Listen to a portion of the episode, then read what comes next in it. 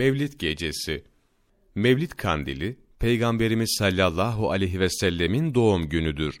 Dünyayı teşriflerinin yıl dönümüdür. Resulullah sallallahu aleyhi ve sellem buyurdular ki, Allahu Teala ilk defa benim aklımı, benim nurumu yarattı. Adem aleyhisselam, daha su ile çamur arasındayken ben peygamberdim. Tirmizi, Fahri Alem sallallahu aleyhi ve sellem Efendimiz şöyle buyurmuşlardır. Adem aleyhisselamın yaratılmasından 14 bin yıl evvel Rabbimin karşısında bir nur idim. Ahmet bin Hanbel Bu alem ve alemdeki her şey Peygamberimiz sallallahu aleyhi ve sellemin hürmeti için yaratılmıştır.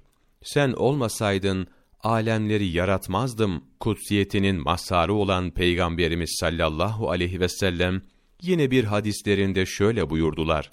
Ben babam İbrahim aleyhisselamın duası, Hazreti İsa aleyhisselamın müjdesi ve validemin rüyasıyım.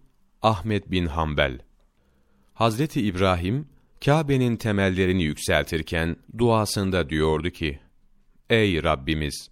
Onlara kendi içlerinden senin ayetlerini kendilerine okuyacak, onlara kitap ve hikmeti öğretecek, onları temizleyecek bir elçi gönder. Her zaman üstün gelen, her şeyi yerli yerince yapan yalnız sensin. Bakara suresi 129. ayet.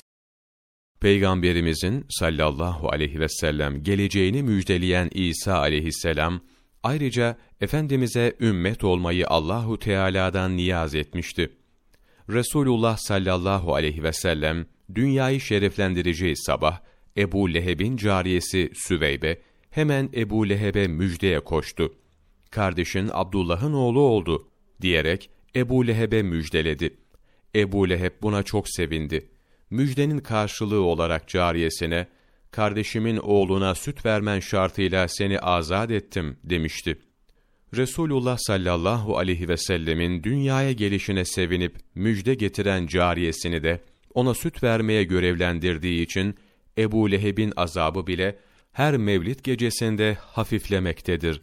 Mevlid gecesine sevinen, o geceye kıymet veren müminlerin de pek çok sevap kazanacakları buradan anlaşılmaktadır. Mevlid gecesinde Peygamberimiz sallallahu aleyhi ve selleme çok çok salavat-ı şerife getirmek gerekir. Ragıp Güzel, 3 aylar, sayfa 68-75 18 Ekim Mevlana takvimi